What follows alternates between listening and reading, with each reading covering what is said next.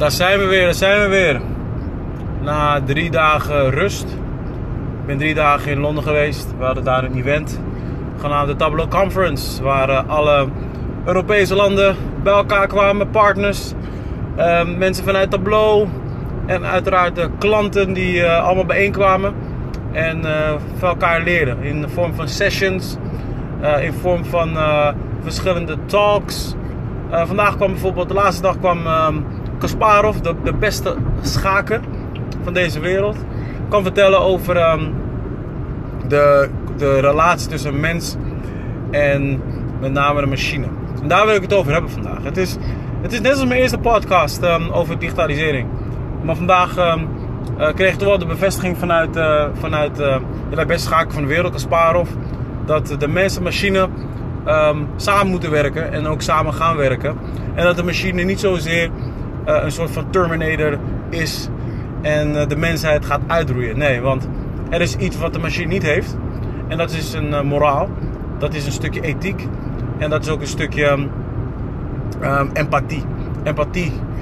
Ehm, een machine is eigenlijk een code. Een machine is een algoritme. Een machine is een algoritme en een code gecombineerd. waardoor die dus bepaalde besluiten neemt. En daar houdt zich ook aan vast. Een machine kan die besluiten of die code duizend miljoenen keer herhalen, zodat hij uiteindelijk uit zichzelf gaat nadenken. En dat is een stukje AI, is eh, Artificial Intelligence. En daar vertelde hij dus over. Hij vertelde dus over de combinatie van, van, van die technologie wat nu tegenwoordig ehm, er is. Het is niet meer eh, van joh, over 20 jaar, 30 jaar zijn er machines. Nee, die zijn er al.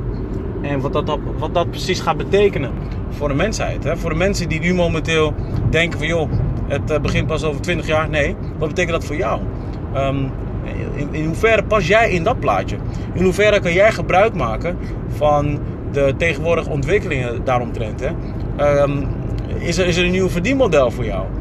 Uh, kan jij in dat geval mensen educaten in dat, um, in dat uh, verhaal rondom artificial intelligence? stel je dat je een ondernemer bent en dat je, dat je het een en ander wil gaan digitaliseren op een makkelijke manier. Wil je daarin investeren in artificial intelligence? Of vind je, juist, vind je het juist eng? Omdat je denkt dat een machine de mens gaat vervangen. Weet je, natuurlijk zijn er banen tegenwoordig die nu, die nu misschien over tien jaar niet bestaan. Hè? Noem maar bijvoorbeeld een cashier.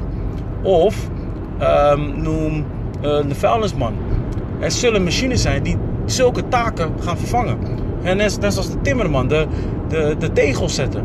Ik bedoel, als je, als je tegenwoordig met allerlei geotechnologieën te maken hebt, dan kan je bepaalde tegels zo zetten op een bepaalde straat dat het qua snelheid um, en qua securiteit dat dat uh, veel meer uh, oplevert en natuurlijk uh, het een en ander bespaart. Dus weet je, er zullen sowieso wel banen gaan sneuvelen. Ook in de medische wereld zullen zusters wel, zullen zusters in dat geval overbodig zijn, um, chirurgen overbodig zijn. Of een combinatie van beide. Want kijk, als, als, als bijvoorbeeld iemand een ziekte heeft wat, in eerste instantie ongeneeslijk lijkt, een machine zal aan de aanleiding van zijn code zal besluit nemen om niet meer te opereren. Maar wat nou als een dokter wel in gelooft in zijn eigen kunnen en gelooft dat het toch wel kan? Wat voor besluit neemt hij dan? Dus ik denk vooral dat die combinatie tussen mens en, en machine, dat daar heel veel kracht in ligt. Dus dat wou ik even vandaag vertellen um, in vorm van deze podcast. Dat um, we leven nu tegenwoordig in hele spannende tijden. Uh, we zitten echt letterlijk in de beginfase van uh, de combinatie tussen mens en, uh, en machine. En um, ik, ik, ik, zie het echt voor me dat het een hele mooie bedoeling wordt. Een samenwerking tussen mens en machine nogmaals.